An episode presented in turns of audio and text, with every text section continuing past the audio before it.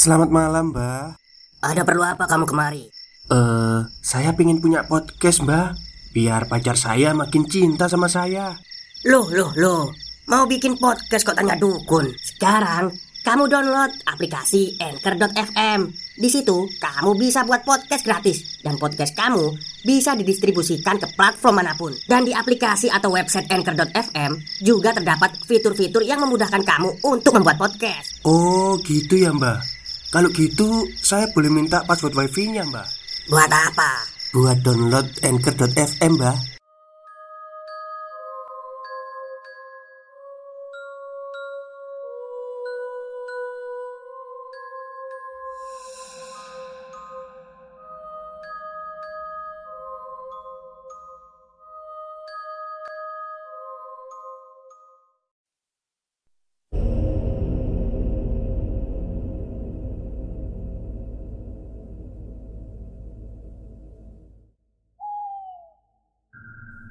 Assalamualaikum warahmatullahi wabarakatuh. Halo semuanya Jumpa lagi dengan saya Chow Sing Sing Kurator dari podcast Horror Night Story. Halo apa kabar semuanya? Semoga kalian semua sehat-sehat ya. Dan seperti biasanya pada malam hari ini Saya kembali dan akan membawakan sebuah kisah mistis untuk kalian semua Kisah mistis kali ini saya datangkan dari twitternya @skerina20 yang menceritakan tentang gunung. Tapi sebelumnya saya ingin uh, mengucapkan uh, selamat merayakan hari kenaikan Isa Al-Masih kepada saudara kita yang non-muslim dan saya juga mengucapkan selamat berlibur kepada para pekerja karena ini tanggal merah. Oke, mungkin uh, kita langsung saja ya. Mari kita simak ceritanya.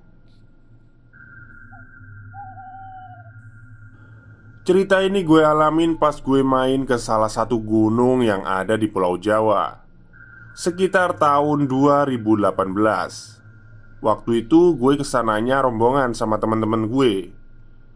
Kebetulan kita emang ada agenda buat main ke gunung itu rame-rame. Kurang lebih waktu itu sekitar 50-an orang. Dan berangkat dari rumah sekitar jam 00 Naik dua mobil elf. Kita sampai lokasi sekitar jam 03 pagi. Dan langsung oper kendaraan naik jeep ke lokasi wisata pertama Sesampainya di sana, kita lihat kalau di tempat tersebut lagi ada event semacam upacara adat yang konon katanya untuk memperingati ulang tahun gunung tersebut. Gue sama rombongan sebenarnya kurang percaya dan kurang paham tentang upacara ini. Tapi kita emang lihat langsung loh kalau banyak sesajen di sana dan dikasih tahu juga sama tour guide kita. Tujuan kita berangkat tengah malam itu emang karena kita pengen lihat sunrise. Dan sayang banget ya guys. Kalau main ke gunung tapi kita nggak bisa lihat sunrise-nya. Padahal itu yang keren.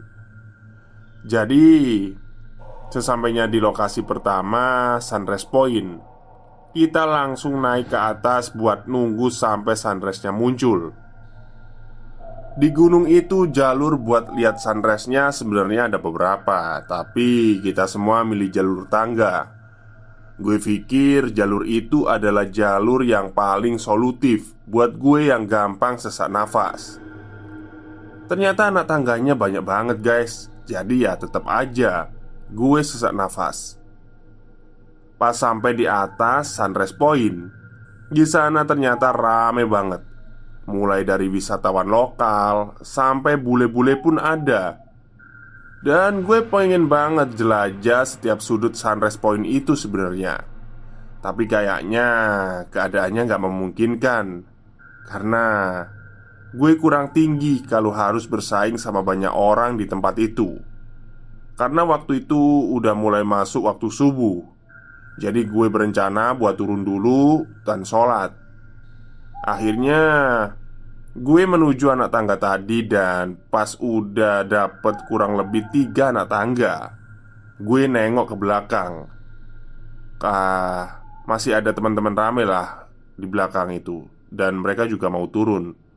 Dan pas gue nengok, gue ngelihat ke arah salah satu bangunan yang ada di sudut Sunrise Point. I think bangunan itu adalah bangunan yang dipakai masyarakat buat tempat ibadah.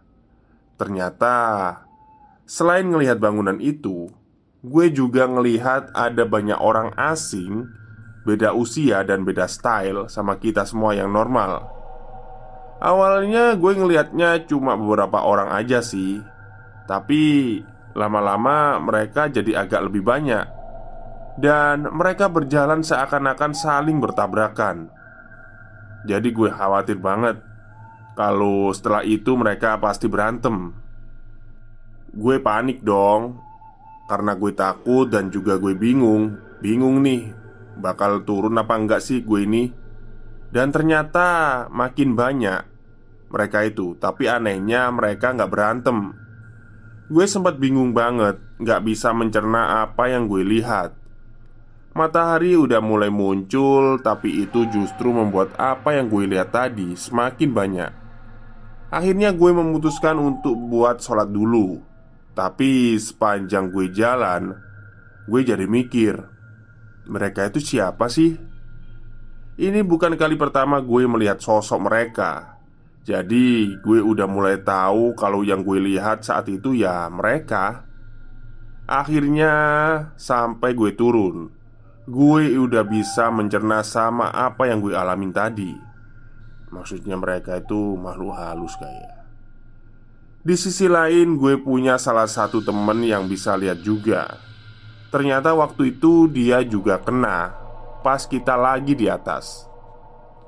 Temen gue ini sampai dibawa jalan ke arah bangunan yang gue jelasin sebelumnya. Setelah kita semua turun, kita sarapan bareng di bawah. Temen gue ini juga makan normal. Ada salah satu senior gue yang ngajakin ngobrol si temen gue ini. Terus temen gue ini ambil dompetnya. Pas dibuka ternyata dia bawa benda kayak taring gitu. Bentuknya terus dibungkus sama kertas. Terus ada tulisan-tulisannya gitu Tapi nggak ngerti lah gue tulisan apaan. Usut punya usut Temen gue ini cerita kalau itu adalah barang yang dikasih sama orang tuanya kalau sampai teman gue berani buang itu barang, kemungkinan besar orang tuanya bakal marah sama teman gue itu. Nah, bisa jadi karena barang itulah teman gue ini gampang banget peka. Waktu teman gue kena di atas tadi, gue jadi ngikutin dia dan berusaha buat manggilin. Lu ke mana? Tapi teman gue ini kagak nyaut sama sekali dia tetap aja jalan terus sampai temen gue yang lain juga ikutan nge. Sampai bener-bener temen gue ini mau lompat. Tapi untungnya karena kita semua udah pada nge Jadi kita bisa nahan bareng-bareng. Setelah itu Alhamdulillah kita semua udah bisa normal lagi Dan menikmati liburan. Selama perjalanan untuk pindah ke spot selanjutnya Gue cerita ke target gue dan kata beliau, salah satu faktor yang bikin tempat itu rame adalah karena lagi ulang tahun. Sebenarnya ada beberapa langkah yang bisa kita cegah, seperti tidak datang ke tempat tersebut pas lagi event, entah ulang tahun atau event lain. Tapi karena kita nggak tahu dan nggak cari tahu, jadi kita tetap berangkat ke tanggal itu. Jadi, konsekuensinya yang harus kita terima adalah salah satu di antara kita yang bisa melihat mereka akan bisa melihat. Menurut gue, mereka yang pingin nunjukin dirinya ke kita pun butuh effort yang lebih besar. Entah apa yang mereka korbankan agar terlihat gue, maksudnya terlihat ke gue gitu. Mereka ini pasti punya maksud tertentu bisa jadi cerita mereka mau ngasih tahu sesuatu gitu ke kita Atau bahkan niatnya gangguin kita Stop, stop Kita break sebentar Jadi gimana? Kalian pengen punya podcast seperti saya? Jangan pakai dukun Pakai Anchor Download sekarang juga gratis. Dan menurut gue juga nggak perlu sih untuk simpen barang-barang yang tujuannya untuk menjaga diri kita atau tujuan lain. Karena menurut gue kita udah punya Allah Tapi kalau mungkin masih ada yang percaya dengan hal-hal kayak gitu Gue gak ikut campur karena itu sudah menurut kepercayaan dan keyakinan setiap orang. Semua akan dipertanggungjawabkan di kemudian hari. Selesai Baik, terima kasih atas cerita pendeknya dari Skerina20 Twitternya ya jadi uh, memang benar apa yang dikatakan di baris terakhir cerita ini ya. Ketika mereka menampakkan diri ke kita, itu mereka butuh tenaga yang lebih besar juga. Karena pada dasarnya uh, apa ya? Kita itu beda alam gitu.